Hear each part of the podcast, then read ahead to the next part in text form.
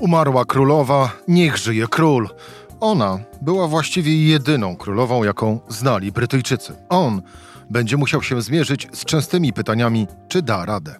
O Elżbiecie II i Karolu III w rozmowie z Jędrzejem Bieleckim. Rzecz w tym, że taki był dzień. Cezary Szymanek, zapraszam na codzienny podcast Rzeczpospolitej. Dzień 9 września, piątek. Moim gościem Jędrzej Bielecki, dział zagraniczny Rzeczpospolitej. Jędrzej, dzień dobry. Dzień dobry. Elżbieta II, czyli kto? No, czyli można powiedzieć taka y, matka narodu od zawsze, no bo przecież y, żeby ktoś y, jak gdyby świadomie pamiętał y, czas jej ojca Jerzego VI, no to musiał mieć dzisiaj 80 parę lat, 90 lat, no w zasadzie to jest jakiś margines narodu. Dlatego właśnie wspomniałem na początku, że dla Brytyjczyków Elżbieta II to właściwie była jedyna królowa, jaką znają i znali. No jedyne, jaką, znają, jaką znali, ale też trzeba sobie uświadomić, że to jest bardzo taki specyficzny naród, dlatego że y, zbudowany wokół y, no właśnie tej tożsamości y, królowej. No to jest coś, co jest bardzo istotne, dlatego że sama nazwa, no Zjednoczone Królestwo, cztery narody, które są połączone właśnie tą postacią królowej, ale to jest też dużo więcej, no bo przecież ona formalnie nadal była głową państwa dla 14 krajów, w tym tak jednak ważnych jak Australia czy, czy Kanada.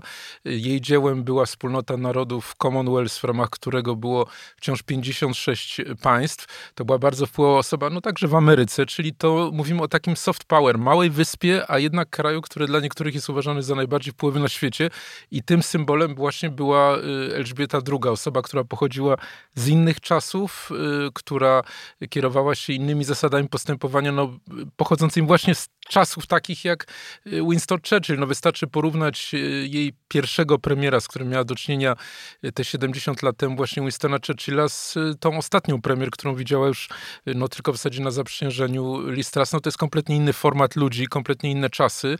Y, ona była bardziej przystawała właśnie do tych czasów Churchilla i co, co wydaje się może bardzo dziwne, ale w tym społeczeństwie to się podobało. To znaczy ono przechodziło tak jak każdy kraj, ale być może nawet i większym stopniu niż inne kraje, bo spadł z bardzo wysokiego konia ten kraj. No był wielką potęgą, kiedy ona wchodziła na tron, wstępowała na tron. Dzisiaj jest to zupełnie inna sytuacja. I, I ona była takim jak gdyby punktem odniesienia. Jej zachowanie, jej rady, jej optymizm, jej powaga.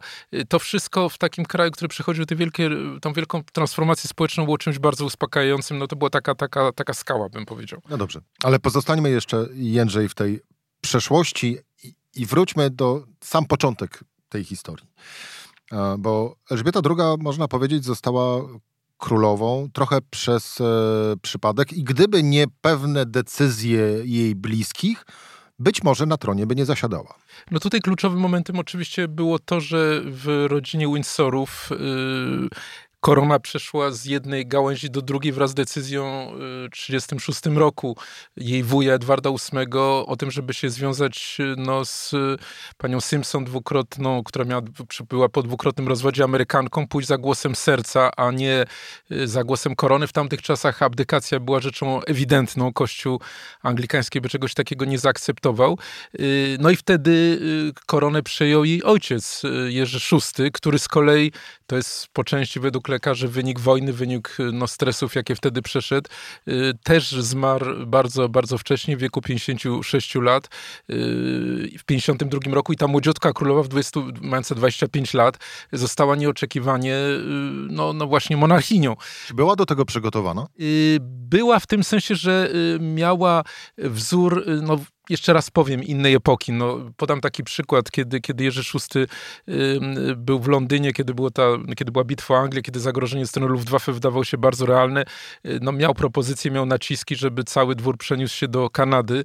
On na to się nie zgodził. Y, wszyscy pozostali. Jego żona powiedziała, że ona by wyjechała, gdyby to zrobił król, ale król tego nie zrobi. Podobnie z córkami. No i w związku z tym y, ta młodziutka księżniczka brała udział już wtedy w wystąpieniach publicznych, zachęcała armię brytyjską do jak gdyby optymizmu, była częścią takich oddziałów pomocniczych w siłach zbrojnych. To ją nauczyła pewnego patriotyzmu, no ale jeszcze raz powiem tak, że wzór ówczesnych polityków, przede wszystkim Churchilla, no to pokazało jej jak gdyby na czym polega przywiązanie do państwa, na czym polega racja stanu i jak powinna się zachować. Więc w tym sensie na pewno była przygotowana, chociaż też była, to jest ciekawe, ostatnią monarchinią, która nie chodziła do szkoły. Karol już chodził normalnie do szkoły na Uniwersytet w Cambridge i tak dalej. Ona pobierała nauki w domu, tak jak wszyscy jej poprzednicy. Elżbieta II została królową. Można wymienić od tego momentu hmm, największe zakręty i wiraże w jej panowaniu, sytuacje kryzysowe? Znaczy tutaj jest dosyć ciekawa, ciekawa y, rzecz, mianowicie ona bardzo ściśle się trzymała zasady neutralności. Y, dlaczego to jest ciekawe? No dlatego, że miała y, dziesiątki tysięcy, jeżeli nie więcej spotkań, wystąpień publicznych przez te 70 lat, a w fundamentalnych kwestiach nie wiadomo, jakie jest jej stanowisko. Zachowała tą, tą, tą neutralność w sposób bardzo perfekcyjny, starała się rozładowywać napięcia, ale te momenty próby przychodziły niezwykle szybko. No, zaledwie trzy lata po tym, jak jak, e, e, objęła, e, wstąpiła na tron, nastąpił ogromny szok dla kraju, który, który wyszedł jednak zwycięsko z II wojny światowej. Myślę tutaj o desancie wraz z Francuzami w Suezie, próbę odwrócenia nacjonalizacji kanału sueskiego przez Nassera, całkowita klęska i okazało się, że ten, ten, ten, to Imperium Brytyjskie, które i tak już się rozpadało, bo jak ona wstępowała na tron, to już chociażby Indie, no ten, ten, ten jak gdyby diament w koronie już, już był niepodległy, no ale nie, nadal kilkadziesiąt krajów afrykańskich, Karaibów należało do, do tego Imperium Brytyjskiego. No po prostu y, wyszedł z, z, z II wojny światowej tak osłabiony, że nawet tak ograniczoną operację, która wydawałoby się przed tą II wojną światową niczym, nie był w stanie zrobić. No i, i to był ten pierwszy moment, kiedy ona musiała y, przekonać Brytyjczyków, że można y, w tym nowym układzie, w tym nowym świecie się odnaleźć. No jak to zrobiła? no jej ideą była właśnie wspomniana przeze mnie na początku tej rozmowy wspólnota narodów, czyli uznanie, że nie będziemy blokowali y, y, wybijania się na niepodległość kolejnych krajów, ale będziemy przekonywali, że możemy im pomóc, przede wszystkim budując instytucje demokratyczne i y, dając im to, co jest no, bezcennym skarbem, czyli język angielski, przynależność do takiej wspólnoty kulturowej uniwersalnej, co na przykład dla krajów typu, nie wiem, Kenia czy Nigeria było gigantycznym darem. I to się, i to się udało. I dzisiaj, jak na przykład patrzymy po tych 70 latach, chociażby na przykład y, Francji, na przykład Algierii. Algieria była y, przez 130 lat częścią Francji, częścią za, y, departamentów zamorskich, nie była kolonią. I dzisiaj Algieria wprowadza jako pierwszy język w szkołach obcy poza arabskim y, angielski. Czyli, czyli, czyli y, Francja nie poszła zupełnie tą drogą, którą, którą proponowała Elżbieta. Y, w przypadku Algierii to była czteroletnia krwawa wojna domowa, wojna mm, między Algierią a Francją i dzisiaj, jak patrzy się na te wpływy kulturowe Francji i, i, Wielkiej Brytanii, to jest coś zupełnie innego. Więc ona na przykład tutaj, w tym konkretnym momencie wychodzenia z imperium, y, znalazła tą drogę, która pozwoliła temu narodowi w jakiś sposób się odnaleźć. No ale to jest jeden z przykładów, możemy kolejne wymieniać. E, ja bym tu postawił w tych przykładach kropkę, a wrzucił do rozmowy inny, a mianowicie. Mm, Kryzysy gospodarcze to jest coś, co zwykle y, zmiata z powierzchni ziemi rządzące ekipy polityczne. Tymczasem y, monarchia brytyjska, a tych kryzysów po drodze kilka było, y, tak naprawdę właśnie była ostoją, czy również zwykłych Brytyjczyków w tych czasach takich ciężkich, czy też była obwiniana za to, co się dzieje, od chociażby dlatego, że przecież Brytyjczycy na monarchię płacić muszą. Znaczy, tutaj jak gdyby jest jedna fundamentalna sprzeczność, której dotykamy, y, a być może w zasadzie dwie. Pierwszą z nich to jest to, że mówimy o kraju, który jest najstarszą demokracją świata, a jednocześnie y, głowa państwa, no wiadomo, z definicji nie jest wybierana. No i to jest pewna sprzeczność. Jak wiązać tożsamość tego, tej demokracji y, no z właśnie czymś, co chociażby we Francji, ale także dzisiaj w Polsce byłoby już nie do zaakceptowania, że nie wybieramy głowy państwa. Y, no problem polega na tym, że ta, ta, ta królowa jest jak gdyby też symbolem właśnie tego, tego ogromnego wpływu światowego, yy, jaką miała Wielkobrytania i łatwości uznawania autonomii innych krajów, no bo łączy nas tych dawnych kolonii łączy nas ta, ta, ta, ta, ta, ta wspólna postać yy, monarchini. Druga sprzeczność, i to jest coś, co, co, co jest też z trudem akceptowane przez Brytyjczyków, no to jest pytanie, czy ta monarchini ma być w związku z tym takim narzędziem, takim, takim y, jak gdyby aktorem, czy też ma prawo do własnego życia. Y, to się wielokrotnie, ta, ta, ta sprzeczność się pojawiała wielokrotnie. No, wspomnieliśmy o, o wuju królowej, który zdecydował się na abdykację, żeby właśnie podążać za swoim szczęściem. Dzisiaj mamy y, przykład Harego, który, księcia Harego, który w 2020 roku został zwolniony z obowiązków rodziny królewskiej, który tak naprawdę no, separował się od niej, dlatego że wybrał to właśnie szczęście osobiste w, w Ameryce. Ale wszyscy, wszyscy też pamiętamy y, całą, chciałoby się powiedzieć, never ending story, ale ona skończyła się w bardzo tragiczny sposób y, śmiercią księżnej, księżnej Diany, ale pamiętamy wszyscy historię właśnie księcia Karola i księżnej Diany. Więc to jest też fundamentalna kwestia, dlatego że y, no, Camilla Parker Bowles, no to ona była zawsze miłością Karola. To nie jest coś, co, co... I tutaj on stanął przed bardzo trudnym dylematem. Z jednej strony podążyć za tym szczęściem, zresztą Kamila była wtedy przecież też mężatką, a z drugiej drugiej strony no, ulec naciskom rodziny królewskiej, y, związać się ze osobą, której nie kochał, ale która pochodziła z potężnego rodu Spencerów, jak gdyby pasowała do tej układanki.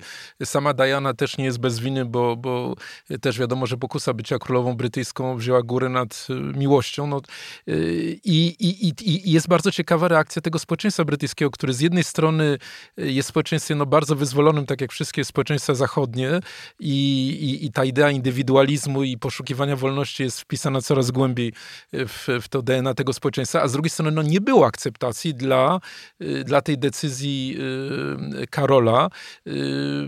No, kiedy on się zdecydował na, na rozwód w 1996 roku, no to jak gdyby cała opinia publiczna praktycznie stanęła po stronie Diany, która mówiła w takim słynnym wywiadzie dla, dla BBC w 1995 roku, że w tym związku nas jest trzech, tak? czyli jak gdyby nas jest trójka. I, no i potem oczywiście rok później śmierć tragiczna jeszcze bardziej to wzmocniła. Więc y, tutaj jak gdyby też jest to napięcie. Karol w końcu w jakiś sposób postawił na, na, na, na swoim, no bo w 2005 roku y, zdecydował się na, na formalny ślub i, i teraz Kamila będzie królową, czy w zasadzie została już uznana. O tym za, o tym za chwilę, Jędrzej.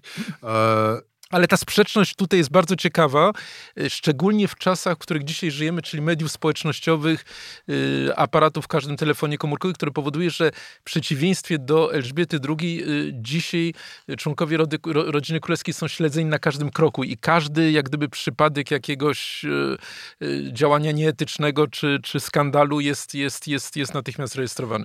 Płynnie przechodząc do... Mm do Karola III, e, to, to jeszcze rodzi się podstawowa kwestia.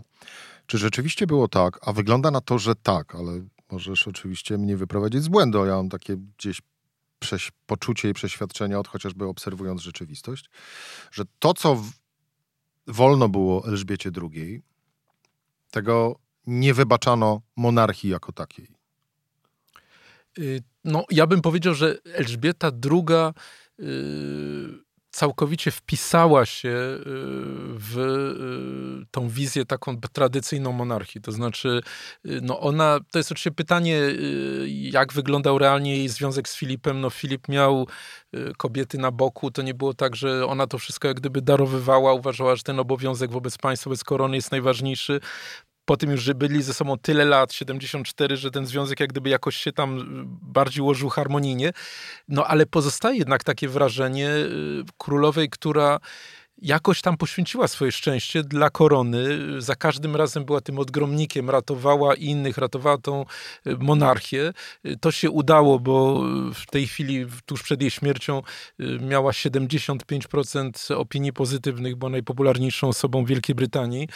Zdołała te wszystkie, jakby przekonać Brytyjczyków, że ta monarchia ma sens, mimo tych wszystkich problemów, na przykład ostatnio z jej, z jej synem, księciem Andrzejem, który, który był powiązany z Jeffreyem Epsteinem, przestępcem, czy przestępcą seksualnym, to, to, to wszystko jak gdyby w jakiś sposób Brytyjczycy wybaczali dzięki królowej, no ale powstanie pytanie, no oczywiście ona, ona, je, ona je zabrała do grobu, tę, tą tajemnicę, na ile ona własne szczęście poświęciła, żeby to osiągnąć.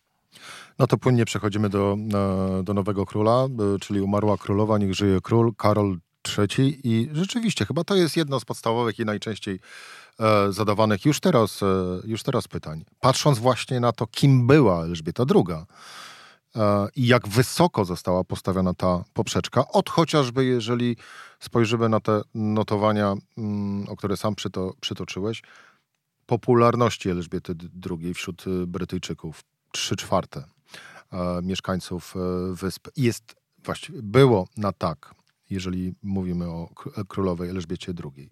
Karol III da radę na tronie? No to jest pytanie, bo punkt wyjścia jest znacznie niższy. No, trzymajmy się tych sondaży, 42% to jest ogromna, ogromna różnica. Y, on przede wszystkim zupełnie inny miał styl jako książę. On bardzo mocno się angażował społecznie, nie stronił od kontrowersyjnych opinii. Y, ma swoje takie bardzo jasne punkty, na przykład y, przeszło pół wieku temu zaangażował się w ochronę środowiska, gdy mało kto o tym myślał. No właśnie, bo to już też nawet zaczyna się mówić o Karolu III jako ekokról. Tak. No więc on na przykład starł się z, z Donaldem Trumpem, starał się go przekonać, żeby prezydent Stanów Zjednoczonych nie wyprowadzał swojego kraju z porozumienia paryskiego o redukcji dwutlenku węgla, więc bardzo mocno się angażował. To jest coś, co było no, w Stanach Zjednoczonych, ale w ogóle także w Polsce przecież jest, jest kwestią bardzo polityczną. Czegoś takiego nigdy królowa nie robiła. Y, ale angażował się także wiele, wiele innych rzeczy. Na przykład ma bardzo jasne poglądy co do y, architektury, ma bardzo jasne poglądy co do medycyny alternatywnej, Czyli? No uważa, że to jest coś, co należy wspierać. On, on, on uważa, że tutaj jest droga jak gdyby wyjścia w przypadku wielu chorób. A jeżeli chodzi o architekturę? No jeśli chodzi o architekturę, to tutaj jak gdyby są to bardziej techniczne rzeczy i chyba nie czuję się dokładnie na siłach, żeby to jasno sformułować. Natomiast on, pamiętam, wydał na przykład taki dosyć kontrowersyjny już wiele lat temu y, książkę, album na temat tego, co jest y, według niego dobre, co jest według niego złe. No to jest, y, ale też bardzo wiele dzieł charytatywnych. Nie do końca być może to jest wszystkim znane. On bardzo mocno się na przykład to angażował w Polsce w odrodzenie życia, życia żydowskiego. Między innymi finansowo ze swojej fundacji ośrodek w, w Krakowie, JCC, więc y, pomagał na przykład w dzieciom, które mają, y, które mają schorzenia i, i, starał się jak gdyby tutaj umożliwić im równe szanse, więc on był bardzo mocny tutaj, odnalazł takie jak gdyby swoje powołanie, bo jego sytuacja psychologiczna, no cały czas pamiętamy, była bardzo trudna, bo on jest następcy, był następcą tronu od 70 lat y, i, i czekał, no to jest najdłuższy przypadek w historii Wielkiej Brytanii, no 70 lat czekał, no aż matka jak gdyby z, zwolni tron. Zwolni tron. No i, i, i w pewnym momencie, szczególnie w tym szczycie kryzysu z, z no to mówiło się o tym, że w ogóle zostanie wręcz odsunięty z, z tej linii sukcesji na rzecz e, swojego e, syna Williama. W związku z tym to była psychologicznie bardzo trudna rola i on to odnalazł, odnalazł się właśnie w tym angażowaniu się, to była zupełnie inna formuła niż, niż Elżbiety II e, w bardzo wiele rzeczy społecznych, ale także w przedstawianiu swojej opinii. No na przykład ostatnio bardzo zdecydowanie występował przeciwko pomysłowi rządu Borysa Johnsona, żeby stworzyć takie ośrodki dla osób poszukujących azylu w Rwandzie, no to, to, było, to było to, to, to, y, po to, żeby ci, ci ludzie nie przyjeżdżali do Wielkiej Brytanii. Teraz będzie musiał całkowicie zmienić swoją postawę, chyba, że to będzie no taka... No właśnie, e, rodzi się też podstawowe pytanie. Czy Karol III będzie apolityczny e, w tym przynajmniej wymiarze publicznym? Tak jak e, mówiąc o Elżbiecie II, właściwie nikt nie jest w stanie, od chociażby powiedzieć, jaki był jej stosunek do Brexitu. Tak pytanie, czy Karol III również będzie zdolny tak się ze swoimi poglądami maskować, aby opinia publiczna nie wiedziała, e, jakie jest jego zdanie w kwestiach politycznych przynależnych na przykład rządowi? No tutaj są takie jak gdyby sygnały, brytyjska prasa wyciąga z e, Clearance House, czyli jak gdyby oficjalnej rezydencji dotychczasowej Karola, e, które mówią o tym, że on nie zamierza naśladować swojej matki w tej neutralności, nie zamierza wycofywać się z tych wszystkich rzeczy, w które wcześniej się angażował, ale jednocześnie weźmie pod uwagę swoją nową rolę. No to jest taka jak gdyby taki, taki wyrok jak Pytti, można powiedzieć, więc zobaczymy, jak to będzie wyglądało w praktyce. Bardzo ciężko chyba w takim wieku, 73 lata, poskromić swój charakter. Tutaj bardzo dużą rolę będzie miała Kamila. On się czuje bardzo dobrze przy niej. On, y, wielu dziennikarzy, którzy z nim rozmawiają, mówią, że kiedy ona wchodzi do pokoju, no to wtedy on się czuje dużo bardziej zrelaksowany. To jest rzeczywiście ten, y, ta jego, no, jak gdyby podpora. Drugą podporą, i to też jest chyba bardzo istotne w odpowiedzi na to pytanie, y, to jest jego bardzo bliski związek w tej chwili z Williamem. To daje Brytyjczykom takie poczucie ciągłości. William, który jak gdyby przyjął tą, tą funkcję tak no, w znacznym stopniu kierując się wzorem matki, bardzo poważnie do tego podchodzi, więc te dwie, te dwie osoby może bardzo mu, mu, mu pomogą, ale to też jest moment niezwykle trudny, dlatego że on obejmuje y, koronę w trudnym momencie dla Zjednoczonego Królestwa, królestwa, które szuka swojej tożsamości. No, y, no to w takim razie za, zadajmy to pytanie, może być może e, trochę przedwczesne i, i, i nadmiar e, kontrowersyjne, ale e, Karol III będzie ostatnim królem Zjednoczonego Królestwa? No, moim zdaniem to jest mało prawdopodobne, bo e, założenia po pierwsze można zakładać, że jego, jego panowanie no, będzie relatywnie krótkie ze względu na wiek, w Nie, którym on... Bardziej mówię o samym królestwie. Czy, e, czy ta monarchia dalej będzie e, monarchią jednoczącą wszystkie narody, czy też no właśnie. No więc to jest oczywiście pytanie, dlatego że to nie jest tylko kwestia samych Brytyjczyków. Mieliśmy o 14 innych krajach, w tym właśnie bardzo potężnych jak Australia, czy, czy, czy Nowa Zelandia, czy, czy Kanada, więc tam też musiałby dojść do, do rozstrzygnięcia w tej sprawie.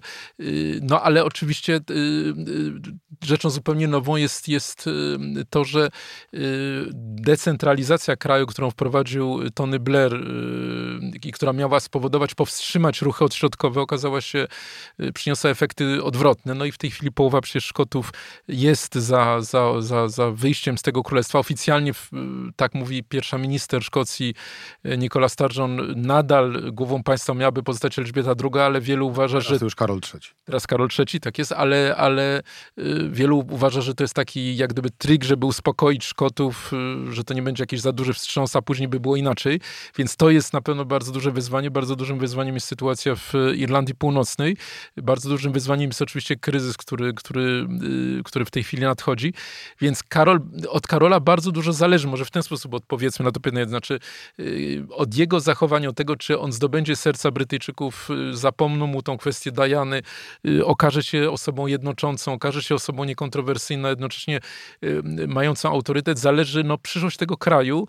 Myślę, że gdyby miało... Jako Zjednoczonego Królestwa. Jako Zjednoczonego Królestwa, natomiast monarchia wydaje mi się, że, że pozostanie, ale pytanie oczywiście, jak jak, jak, długo. No i też pytanie, czy gdyby doszło do rozpadu Zjednoczonego Królestwa, to czy y, na przykład co by było z tożsamością Kanady czy Australii? No, y, to też nie są łatwe decyzje, dlatego że na przykład Australia no, ma ciągle obsesję zalewu y, ze strony no, sąsiadów z Azji i tego, na jak długo, jak długo może pozostać krajem o charakterze europejskim. No i tutaj pozbycie się tej głowy państwa brytyjskiej jest takim odcięciem się od Europy, kraju, który jest kilkanaście tysięcy kilometrów od, od naszego kontynentu, więc to też nie jest takie łatwe. Każdy przypadek jest tutaj specyficzny Kanada chce pozostać czymś odrębnym w stosunku do Stanów Zjednoczonych, a nie przedłużeniem Ameryki. No i tutaj y, y, ten monarcha brytyjski bardzo w tym pomaga, więc na pewno jest to proces bardzo trudny, ale chyba tak możemy odpowiedzieć, że bardzo wiele zależy od tego, jak zachowa się Karol III.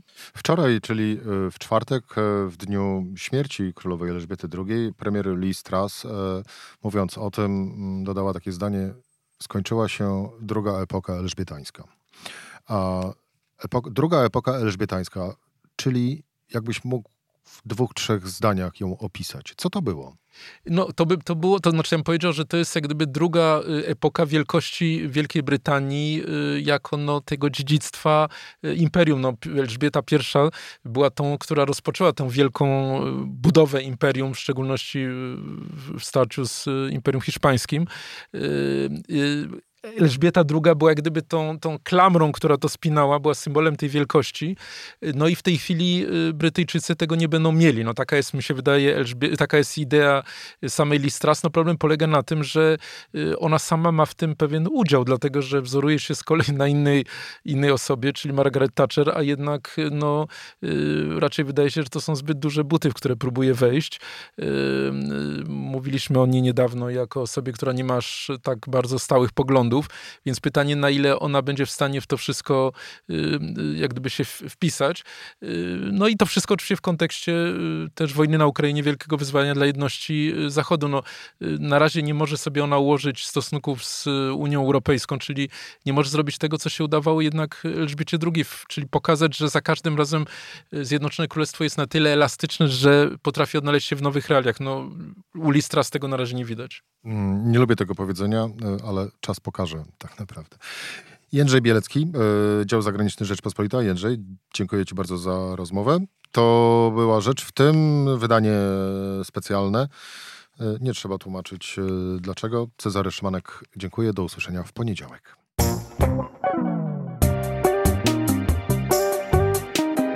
Rzecz w tym to codzienny program Rzeczpospolitej. Od poniedziałku do czwartku o godzinie 17.